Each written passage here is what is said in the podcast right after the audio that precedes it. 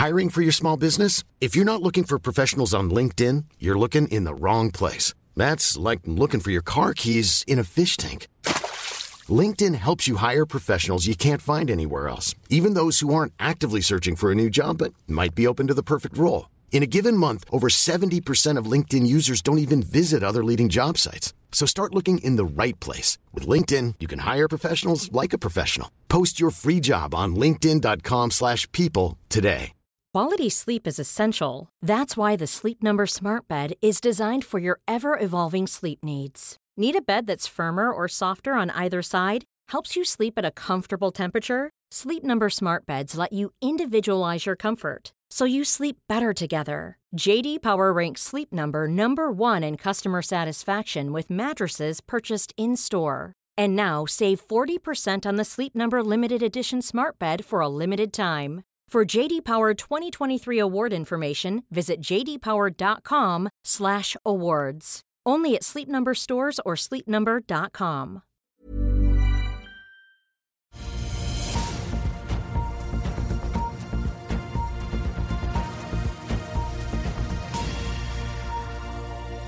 En riktig god morgen og velkommen til Børsmorgen her hos oss i Finansavisen. Mitt navn er Benedikte Storm Bamvik, og med meg har jeg aksjekommentator Karl Johan Molnes. Senere i sendingen så får vi også besøk av analytiker i Nordnett, Roger Berntsen. Før vi hopper på dagens program, skal vi gå gjennom utviklingen i Asia og stillehavsområdet, der det for det meste er nedgang tirsdag morgen etter at den kinesiske kinesiske sentralbanken kuttet referanserenten som fastsetter boliglånsrenten på tolv måneder og fem år med ti basispunkter hver.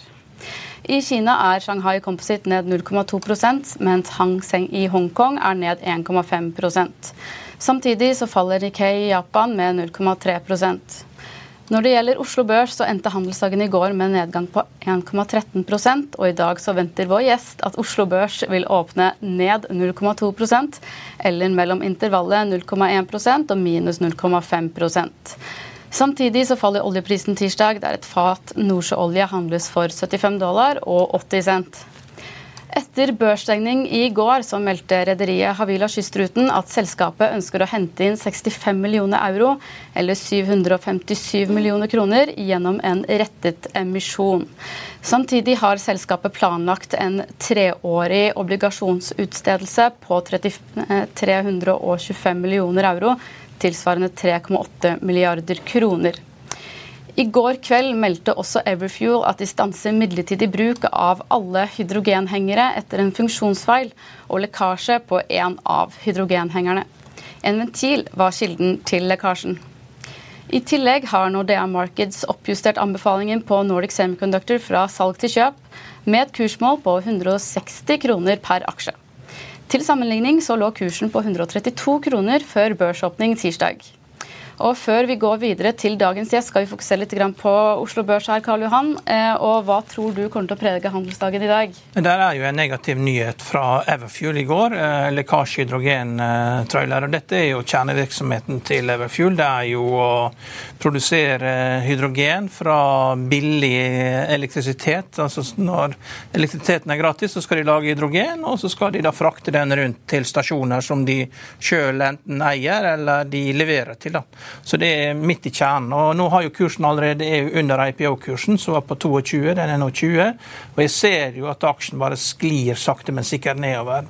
82 av disse aksjene her nå er holdt på noen få investorer. og markedsverdiene er under 2 milliarder kroner nå, så det er ikke så mye aksjer eh, tilgjengelig da, eh, som, som, sannsynligvis kan selges. Så det er nesten ingen short-aktivitet. Short men selskapet taper veldig mye penger, og dette her er jo kjernen av eh, virksomheten til Everfuel. Så Everfuel bør falle en del på dette her i dag. da. Mm.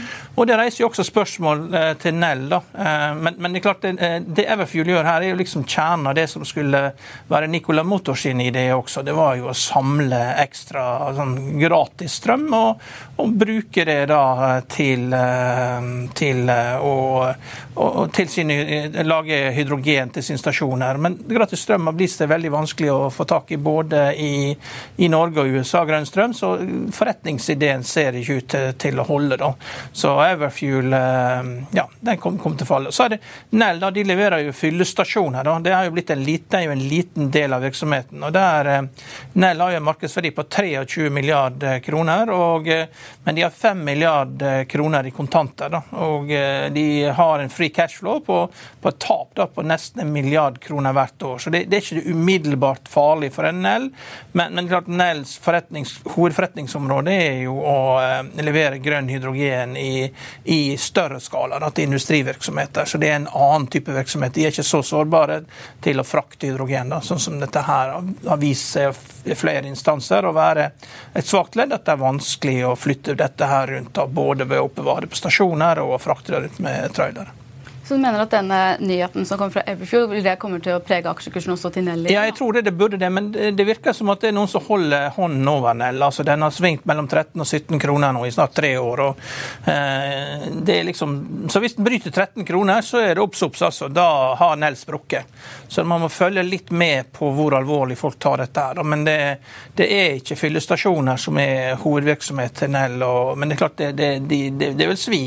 Så de må komme opp med mye større industriell bruk av grønn hydrogen. og da er jo det eh, er jo det karbonavgifter og sånne ting som skal fases inn da, for at dette her skal kunne fungere. Så, eh, vi var jo på Nordshipping, og det var jo en eh, utrolig sterk tro både på ammoniakk og på metanol. Og, og, og, mye av dette her er jo avhengig av eh, karbonavgifter. og Blir de innført, så ser dette her litt annerledes ut. og Det er jo det, det, som er vanskelig å forholde seg til, og det er jo det man må tro på for å sitte investert i disse aksjene. Mm.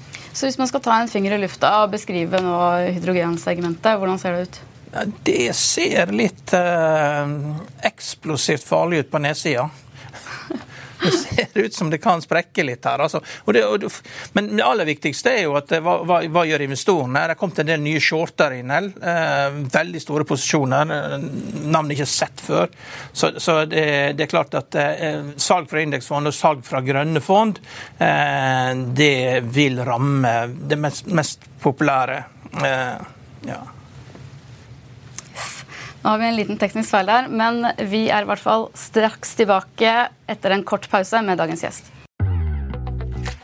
Vil du bli oppdatert på det viktigste som har skjedd innen finans og næringsliv? Da er det bare å følge med, for hver morgen er jeg, Marius Lorentzen og aksjekommentator Karl Johan Malnes på plass i studio for å ta tempen på dagens marked i Børsmorgen. Og hver ettermiddag oppsummerer vi alt du trenger å vite i økonominyhetene, og det blir selvfølgelig masse interessante gjester. Klikk deg inn på fa.no-tv, eller søk opp Børsmorgen og Økonominyhetene der du hører på podkast.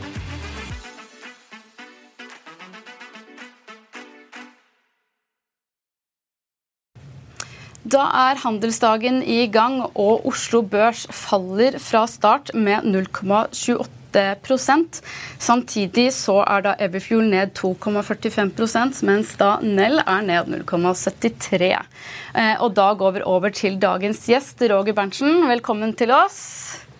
Takk for det. Yes. Eh, jeg tenker Vi kan starte litt med det som øynene er vendt mot denne uken. og Det er jo da Norges Bank. Eh, her er det jo litt eh, vidt spenn. Det er flere makroøkonomer som venter en renteheving på 50 basispunkter. Andre mener 25. Eh, hva er din take på hva som kommer til å skje på torsdag? Ja. ja. Først og fremst så er det jo, det er jo en kjensgjerning at norsk økonomi, liten og åpen økonomi, Norges Bank er modellfokusert. Det som gjør at modellen ikke nødvendigvis kan føles til punkt og prikke, det er at boligsektoren i Norge er så viktig. Eh, så, og de fleste har flytende rente, så hvis Norges Bank setter opp renta, så, eh, så, så kan det kanskje gjøre mer skade enn det eh, den svake valutaen gjør. For det er jo det som er et dilemma i dag, at valutaen er altfor all svak, rett og slett. Sånn at vi, både dere som sitter i studio og meg, vi må jo sitte hjemme. Det blir ikke noe utenlandsferie på oss i år, mest sannsynlig, fordi det er så dyrt å reise utenlands. Nemlig. Men tror du også en dobbel renteheving, hvis vi ser på kronen, da, vil, tror du den doble rentehevingen vil klare å snu den negative trenden, eller er det mer som må til? Først og fremst så var det jo sånn at det ble jo nokså stor valutabevegelse i forrige uke. altså Dollaren svekka seg først og fremst i opptakten til Fed-møtet. Fed holdt renta uendret som venta. De signaliserte at det kanskje kommer to rentehevinger til, men det tror ikke markedet noe på. Så det er klart at eh, Feds rentepolitikk er jo den som eventuelt kan hjelpe Norges Bank. Så jeg tror de vil, jeg tror de vil drøye det lengst mulig før de før de blir tvunget til å sette, sette skikkelig til uh, i, i, i, Norge. Men Hva tror du rentebanen til Norges Bank ligger på nå, da? Jeg vet ikke, men i alle fall, altså, vi er jo passert 3% og det var vel for første gang på lang tid eller så, hvor svenske renter plutselig ble høyere enn den norske. Uh, og I Sverige har de vært vant med nullrente og negative renter. Ja, Du ser jo hvilken effekt det har fått, uh, spesielt på eiendomssektoren. Og det, Da kan du trekke paralleller til til, eh, til oljeservicesektoren, som var ja, eh, obligasjonsmarkedet knytta til oljeservice back in the days, altså i 2014-2015. Det, det, ble skikkelig galt når det, når det stått opp. Og du får, kan få samme type effekt i, i, i, eh, i eiendomssektoren nå. Men, men, først og fremst så er, det, så er det, det er USA som dikterer dette her, basically. Nemlig. Hvis vi skal gå på et tema som kanskje er litt mer ditt hjerte nær, vi snakker om kunstig intelligens. Eh, der er det jo nå flere eksperter som har advart om en ny AI-boble. Eh, hva er dine tanker om det? Først og fremst, altså, Hvis du snakker om boble, eh, det er jo en naturgitt del av aksjemarkedet, eller menneskets. Det er menneskets naturgitte del. altså. Vi er jo euforiske når ting går bra, og så er vi ekstra depressive når ting går dårlig. Men bobletendenser ser ikke jeg i dag. Bobletendenser er typisk det at hvis det dukker opp et selskap her og der som blir børsnotert og prises på noen helt sinnssyke multipler. I dag er det de store tungen, håndfull store tunge som har dratt lasset. Det er Alphabet eller Google, det er Microsoft, det er Apple eh, og ikke minst Nvidia. Nvidia er jo den store stjerna hva angår AI. og det er jo forbundet på at det her er med på AI, kunstig intelligens, som det fremstår i dag, skal være med på å effektivisere, øke produktivitet. Derfor er ikke jeg så veldig engstelig for bobletendenser uh, i, i, disse dager. Nei, Selv om det bare er snakk om et par, uh, et par, selskaper. For det er jo, mange av de har jo blitt, fått en veldig høy prising nå, da, etter det siste rally. Ja, men ta et eksempel. altså Vi kan jo se på selv, iallfall min del. altså Jeg er jo en early adapter på alt av teknologi. Jeg er hobbyprogrammerer og vært det i alle ja, så lenge jeg kan huske. Og jeg liker det for å, å ta, ny, ta, i bruk ny teknologi. Jeg vil si at altså, I dag bruker jeg ChatGPT kunstig intelligens i alle prosesser. Uh, og, og, da har jeg, jeg har, har effektivisert prosesser som typisk to og en halv dag. Det gjør jeg på et kvarter nå.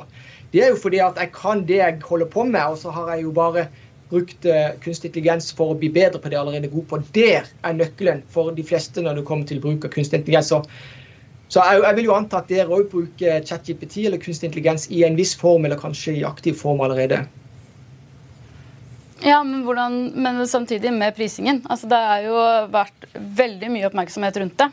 Det, må jo, og det er mange som har ropt nå, selv om man bruker det, og sånne ting, så har det likevel kommet seg opp en liten hype rundt disse aksjene. Da. Og det ja, til tross for at eh, det er mye brukt.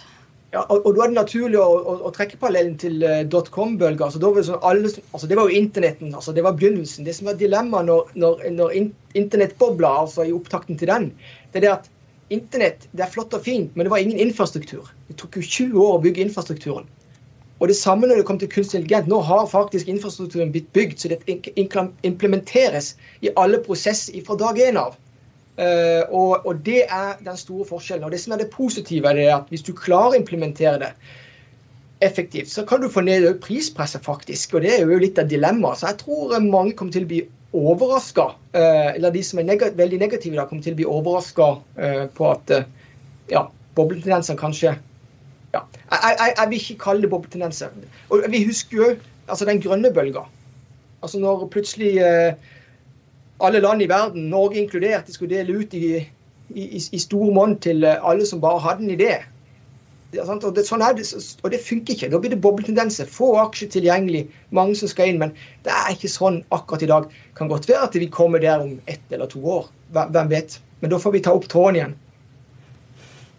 Ok, Hvis vi beveger oss litt vekk fra AI, altså, hva tror du kommer til å være triggerne i markedet fremover? Nå som eh, folk skal begynne å lokke posisjoner før sommerferien osv., hva er det man må være obs på? Ja, Nå hadde vi jo opsjonsinnløsning eh, almas i går, eller på fredag. sånn at jeg tror det Vi går jo en sånn en volummessig stille periode i møte, men det er jo det samme temaet. Altså, husk, 2023 har jo starta ekstremt sterkt. Spesielt tech-sektoren i USA har kommet godt tilbake igjen. Det er flere store selskaper som er i all time high. Så jeg tror jeg liker det der at når året starter bra, så bruker de kanskje å avsluttes bra òg. Har du noen tanker, Karl Johan? Vel, det er, jo, eh, det er jo, spennende tider. Men hvordan, eh, hvilke, andre, hvilke aksjer i Norge er det du ser på for tiden, da? Veldig sånn eierorientert i, som, som investor. Og, og, da liker jeg å se på hvordan går det i de ulike selskapene som faktisk er robuste, har et unikt produkt, globalt produkt og, og vokser gradvis, tar ting steg for steg. Og Da er det jo sjømatsektoren som har vært i fokus de siste årene pga. Eh, dette her skatteproblematikken. Nå er jeg jo litt opptatt av det. Det er jo litt vekstbrems i den sektoren. ikke vel? Sånn at eh, For en langsiktig investor så må en bare være et ekstra tålmodig. Eh, et annet selskap som jeg er veldig stor fan av, eh, og det er jo Tomra. Eh, de preges jo òg negativt av at rentene er høye. Usikkerheten er fremdeles stor. men jeg har, tro på at de, de beste, beste, selskapene alltid kommer tilbake igjen. Så det betyr at for en som er langsiktig investor, så, så er det kanskje greit å se på sånne typer selskaper. Det er jo store lakselusproblemer i oppdrettssektoren. Har du spurt ChatGPT hvordan man skal løse det? Eh, lakseindustrien eller sjømatnæringen det er jo en disruptør. Det er jo det som jeg liker med det. Det er ikke nødvendigvis at det er laks, eller, men det er protein. Det er protein, disruptivt protein mot rødt protein. Så dette er fiskeprodusenter mot kjøttprodusenter, og det er jo en ekstrem kamp å ta. Og kampen er jo egentlig over. De, husk, de fleste kamper er over før de har begynt. Og, og når, når skalaen kom i, i norsk sjømatnæring for kanskje 10-15 år siden, så er egentlig kampen for, med, i den der proteinkampen eh, globalt tatt. Men de største lobbyvirksomheten eh, innen kjøttindustrien det, er jo ekstrem. Så det, det, en må jobbe på i den industrien. Men det, det gjør de. altså i, i, Norge så er jo de toneangivende eierne det er jo Johan Fredriksen i Movi og det, det er Witzøe i SalMar. Og det er, det er top notch folk, altså. Men Har du gjort noen endringer i porteføljen siden siste? Vi ser jo også at du har påpekt at Warren Buffett har jo ikke akkurat stoppet med dette kjøpstrendene i Japan f.eks. Har blitt preget av det? Sånn. Ja, det er helt rett. Også. det er jo artig. Altså, Warren Buffett han er på jobb hver dag, og det er jo dere òg. Så det det handler om at Selv om det var stengt i USA i går, så har han jo brukt tida uh, nyttig til å kjøpe flere japanske selskaper. Så han har eksponert, stor eksponering mot Japan, og det har vært stor suksess faktisk i år for Nikkei-indeksen er ikke den opp 20-30 i år, og det er jo eh, imponerende. Ellers har jeg nødt til å fremheve et selskap som min makker i studio ofte, der jeg bruker å ta med meg eh, med Alex Rosén, og han er jo Tesla-fan. Og det har jo skjedd utrolig mye spennende på Tesla-fronten siden vi var i studio sist. Så Tesla-aksjen òg går, men da går det mer på realisme. Og det er jo fordi at de inngår samarbeid med ladestasjoner med Ford, GM og kanskje enda flere eh, bilprodusenter. Så Tesla er fortsatt en storfavoritt? Altså For mitt vedkommende, jeg har ikke investert i Tesla, men, men, men, men, uh, Alex Rosén som jeg, som jeg, det, er jo, det, er jo min, det, er jo min, det er min oppgave å lære han å bli best mulig mest mulig rasjonell. Han har hatt utrolig, han har vært dyktig og heldig i Tesla, men nå ser du at ting begynner Tesla er jo i en modningsfase. Nå begynner de som sa at Tesla egentlig kommer til å lande på gravplassen. altså Det sa faktisk enkelte i, i, i, i visse kretser. Ingen nevnt, ingen glemt. Men de inngår jo samarbeid med Tesla nå. Og da er det jo Tesla som plutselig har det upper hand. Og da begynner du som analytiker, i alle fall, i, alle fall i min verden. Altså I den Buffett-verdenen Jeg vil jo tippe at Buffett er imponert over det Elon Musk har fått til, spesielt nå med ladestasjonene og, og samarbeid med GM og Ford. Eh, men slik jeg forsto det, når vi snakker om markedet fremover, så mener du da at det er sjømataksjer særlig, og eventuelt Tomra, som liksom er din eh, go to-posisjon i sommer, eller er det andre selskaper du ville trukket frem? Det er viktig å huske, altså kom an på hvordan investor du er, men er, stort sett så er det bare noen få selskaper som skaper verdiene i verden. De leverer produkter som verden vil ha, og de gjør det effektivt på en god måte. Og, og, Da tror jeg at det er viktig for investor som er enkeltaksje, det er jo som å søke i de store, store selskapene. Og Da er jo ikke som oppsida ikke gigantisk, men, men risikoen er heller ikke gigantisk. da. Ellers er det jo, eh, ellers er det jo helt åpenbart at oljeselskapene tjener godt ennå. Men når disse oljeselskapene er, handles på tilsynelatende eh, lave multiple, eh, da skal en kanskje være litt betenkt. Er det noe du derimot ville styrt unna, eller noen sektorer som du er litt mer eh, observant på denne sommeren? Jeg hater giring, hater gjeld, jeg hater sånne ting. Og det er jo klart at skal du tenke oppførsel som en eier i dette her gamet, så, så, så, må du klare deg på jeg vet ikke, på, uh, uten, uten for, mye, for, mye, gjeld. Og det er jo klart at i eiendomssektoren som vi snakket om innledningsvis, så er det mye gjeld der ute. rett og slett. Alt skal refinansieres. Men Hvis du skulle gitt ett tips til eh, investorer denne sommeren, hva ville det vært? Nei, Jeg syns du som hele det sporet med AI eh, og se på hva som kommer fram der av matnyttige produkter, om disse selskapene som implementerer det, klarer de faktisk å bli enda mer kompetitive, få ned prisene. Jeg tror jo at jeg tror i løpet av de neste 10-15 årene så kommer det til å være helt nye selskaper som ikke vi kjenner til, som er superior på bruk av, av, av kunstig intelligens. Som har brikt, eh, brakt verden et steg videre, altså fått ned prispresset på veldig, veldig mange tjenester. Supert, det. Tusen takk, Roger. Tusen takk for at du stilte opp her i dag. Fredag før helgen så bydde Subsea 7 på Doff Group uten hell. Offshoreselskapet ville betale 35 kroner per aksje, der 7 kroner var i kontanter og 28 kroner i nye aksjer i Subsea 7. Tilbudet fra Subsea 7 utløp i går, og de vil ikke komme med nytt bud. Karl Johan, hva er egentlig historien her? Det er jo to historier. Da. Det er den uh, korte historien om uh, hvordan man skal få Doff Group tilbake igjen på børs. og Der fikk jo en investorpresentasjon fra Mons Aase i Doff Group på et seminar i mars, der de planla å få det på børs tidlig i juni. og til verdier rundt 40 kroner per aksje, da, som var bokførte verdien av den gjelden som var konvertert. Da. Og så Nå begynner vi å nærme oss juli, og for å få dette på plass, så har de vært nødt til å gå til Jon Fredriksen, og han har satt prisen. da. Jeg kan ta halvparten av den emisjonen til, til 28 kroner. Da har det blitt prisen, da, fordi at det er noen av kreditorene som er villige til å gi fra seg aksjer på det nivået der, da, fordi at de vil bare ut uansett. da. Men her har du eh, mange kreditorer som alle i utgangspunktet har forskjellig eh, kostpris og som forskjellige ønsker om å gå ut. Men samtidig, da, når du konverterer gjeld til eh, egenkapital, så har jo de aksjene en børsverdi, og de har jo ikke så veldig lyst å ta et tap, liksom, eh, hvis de kan unngå det. da.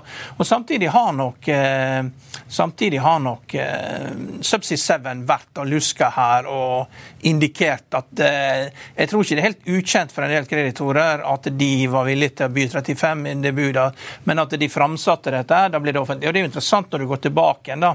Siem kommer jo, Man kan si mye rart om Siem, men det han har gjort veldig bra, da, at han har jo handla da. altså til slutten av 80-tallet, tidlig 90-tallet, så begynte jo han å kjøpe gjeld til liksom 2, 3 og 4 cent eh, per dollar, eh, helt ut fra bunnen. Det var liksom bare sånn gjeld fra Latin-Amerika, Syd-Amerika og eh, andre utviklingsland som Polen og ja, land som har mislått gjelden sin, altså handlet liksom nede på sånn busted subprime-nivå. da.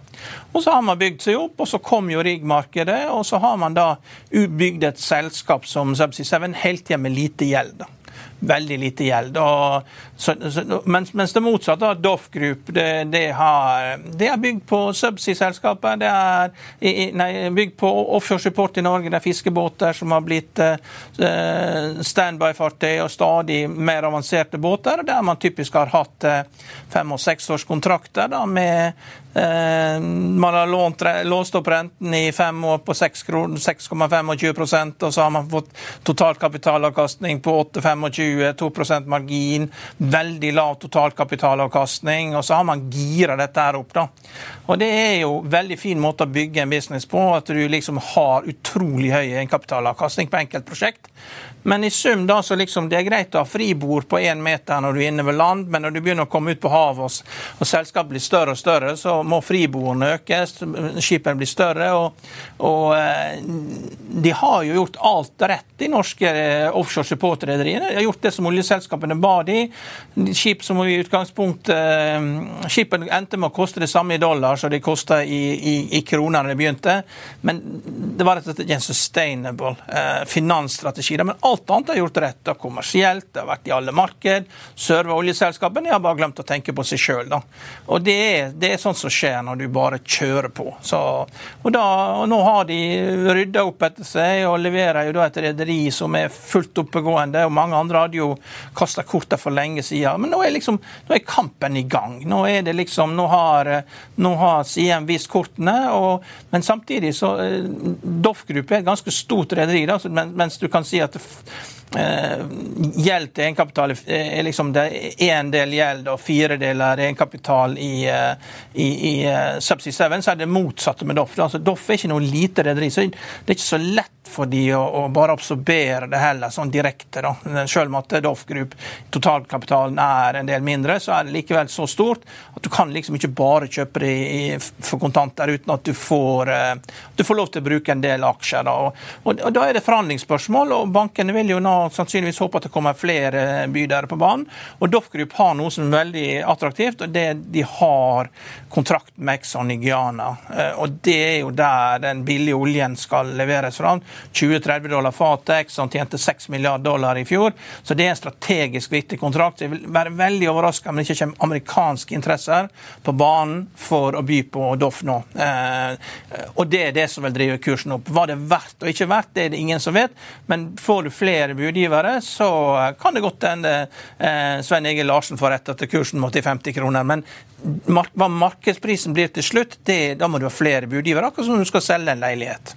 Så var det denne kontrakten som kanskje var mest attraktiv for Subsea, eller var det andre Nei, det er andre ting. Er, Doff har jo alltid vært et, et godt selskap. Veldig veldrevet, er overalt. Tar vare på skipene sine. Har, er i Australia, er i Brasil. Altså, de, de har veldig god posisjon. Det eneste de har mangla, er kapital. Alt annet har vært rett. Men du kalte dette budet for et skambud? Ja, det er jo fordi at hvis det, hvis det er noen som har et, eh, Hvis noen legger ut en leilighet til 10 eh, millioner, og du byr 9 millioner eh, etter at liksom med én dags frist, så er det under det som kreditorene vil ha. Da Da er det et skambud. Det er, det er frekt. Det er det, men, men, det er det som Det er det som Det er ingen andre som har bydd, og de syntes kanskje at Fredriksen kom inn og fikk noen billige aksjer ned på 28 kroner. Men det er jo et tilbud de sjøl har også fått. De kunne også tatt 250 millioner kroner for uh, å gått inn til 28 kroner. Men de er ikke interessert i, fordi de skal ha hele dette her eller ingenting. De skal ha 90% av dette. Hvis ikke, så bryr de seg ikke. De har ikke lyst til å sitte og eie aksjer for 250 millioner eller 1 milliard kroner dette her. Og, og, og sitte og krangle med Fredriksen og, og Møgster på Austevoll. Det gidder de ikke. Men du tror vi kan komme flere bud fra andre aktører? Ja, jeg tror det. Jeg tror det vil komme amerikanere inn og, og være interessert i Group. Fordi at uh, Og Exxon har jo mye de skulle sagt her. Dette er en viktig kontrakt for Exxon. og uh, Det er jo ikke alle som får lov å kjøpe dette. og Hvis at du får feil kjøper, så kan sikkert Exxon kaste seg fra den kontrakten. hvis at det, de ikke liker Du kan ikke komme kinesere her og kjøpe dette her. Det går ikke. Det har jeg ingen tro på. Og, altså, de Exxon må godkjenne kjøperen her. Eh, så det er ikke så mange som vil godkjenne, men amerikanske kjøpere vil jo være godkjent. Men det er et spørsmål, Så det er litt komplisert, da. Eh, hvem som egentlig kan ta over. og Da kanskje du må gå i gang og selge noen aktiver. da. Men, eh, men kontrakt med Exxon er gull verdt, for det er der den billige oljen er. Men Doff skal jo tilbake på Oslo Børs nå? Ja, det kommer jo nå i løpet av noen få dager. og Jeg tror ikke du får noen print på 28 kroner. Jeg tror kursen blir over det av første printen. ja. Så det, det, skal jo skje nå 22.6, da, det som er planen. Men det er fortsatt tre uker etter eh, det man opprinnelig har tenkt. og Man må jo se det i sammenheng med det som har skjedd der. At eh, man fikk ikke det til til den prisen man ønska. Og da Svein Harald eh, Øygard, som er styreformann i Norwegian, eh, som har Fredriksen som største aksjonær, gikk til Fredriksen og liksom de ble enige om hva som var prisen for å få dette her på børsen. Det er en finansiell investering for han. Fordi dette her er, det, det er ikke det han er best på. Det er ikke å drive sånne industrielle ting. Det det er for langsiktig. Men Subsea sier også at de ikke kommer til å heve budet. Eh, og tror du at denne konkurransen som da eventuelt kan komme, da, hvis det kommer amerikanske budet på siden, altså det vil kanskje Nei, altså jo, de, de, ønsker jo samtaler, da. Og, da, og kreditorene, vil jo, kreditorene vil jo gå i samtaler og prøve å finne ut andre løsninger. Og, og, og eh, Subsea 7 indikerer jo også at uh, hvis de kan gjøre dette her, så blir det, så blir det veldig store utbytter og sånn. da. Så det er klart, Subsea 7 har finansiell muskel til å ta på seg mer gjeld, men de har skydd gjeld, de har bygd opp eh, hele tida bygd et selskap uten gjeld, i motsetning til alle andre. Og så har jo du Siem Offshore også på sida der. Siem sikra seg og kjøpte noen aksjer, gikk over en tredjedel. Så det ligger jo også som en del av dette på siden, da. Men det er liksom det neste steg, da, at det kan bli slått inn. Det ligger et, sted, stykke fram i tid. da. Det, det, første her er å, å, å, prøve å lage en kombinasjon av dette her, da, av uh, Subsea 7 og Doff. For det, det kan hende de får til, men, men Eh, og, og, det kan godt hende det at eh, hvis markedet blir veldig dårlig og alt blir trist og leit, at det ender opp med at de ikke betaler mer. Det kan jo skje, men jeg tror jo det at det vil kunne komme inn andre interesser her. Det blir veldig spennende å følge med på. Ja. Det kan bli eh, noen spennende måneder fremover. Yes, eh, Tusen takk til deg, Karl Johan. Før vi setter en strek for dagens sending, skal vi ta en kjapp titt på andre nyheter. I dagens avis så skriver Finansavisen om næringsminister Jan Christian Vestre, LO og NHO, som feiret en historisk enighet om storstilt satsing på kvinner i styrer. Advokater advarer derimot om at det kan bli dårlig betalt, mye jobb og stor personlig risiko. I dagens Finansavis kan du også lese om eh, Jan Erik Gjerland, analytiker i ABG, som maner til høyere utbytter i DNB. Storbanken ventes å betale, utbetale 65% av overskuddet i utbytte i år, mens Gjerland mener utbyttegraden må over 80% for at det skal bli fart på DNB-aksjen. Mer om dette kan du lese på fa.no. Og Det var børsmålen for denne tirsdagen. Husk å få med deg økonominyhetene senere i dag 14.30. Og i mellomtiden så får du siste nytt på fa.no gjennom hele dagen. Vi ønsker deg en riktig god dag videre. Takk for nå.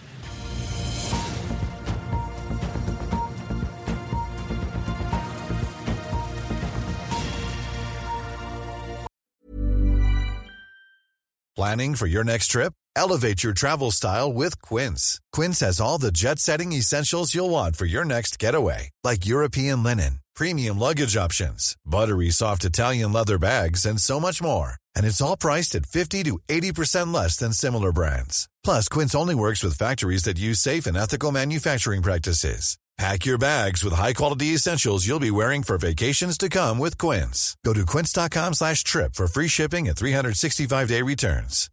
Hi, I'm Daniel, founder of Pretty Litter. Cats and cat owners deserve better than any old-fashioned litter. That's why I teamed up with scientists and veterinarians to create Pretty Litter. Its innovative crystal formula has superior odor control and weighs up to 80% less than clay litter. Pretty Litter even monitors health by changing colors to help detect early signs of potential illness. It's the world's smartest kitty litter. Go to prettylitter.com and use code ACAST for 20% off your first order and a free cat toy. Terms and conditions apply. See site for details. When you make decisions for your company, you look for the no brainers. And if you have a lot of mailing to do, stamps.com is the ultimate no brainer. It streamlines your processes to make your business more efficient, which makes you less busy. Mail checks, invoices, legal documents, and everything you need to keep your business running with Stamps.com. Seamlessly connect with every major marketplace and shopping cart. Schedule package pickups and see your cheapest and fastest shipping options from different carriers. With rates up to 89% off USPS and UPS rates. And with the Stamps.com mobile app, you can take care of mailing and shipping wherever you are. Make the same no-brainer decision as over 1 million other businesses with stamps.com. Sign up with code program for a 4-week trial plus free postage and a free digital scale. No long-term commitments or contracts. That's stamps.com. Code program. Økonominyhetene er en podkast fra Finansavisen. Programledere er Marius Lorentzen, Stein Ove Haugen og Benedikte Storm Bamvik. Produsenter er Lars Brenden Skram og Bashar Johar. Og ansvarlig redaktør er Trygve Hegnar.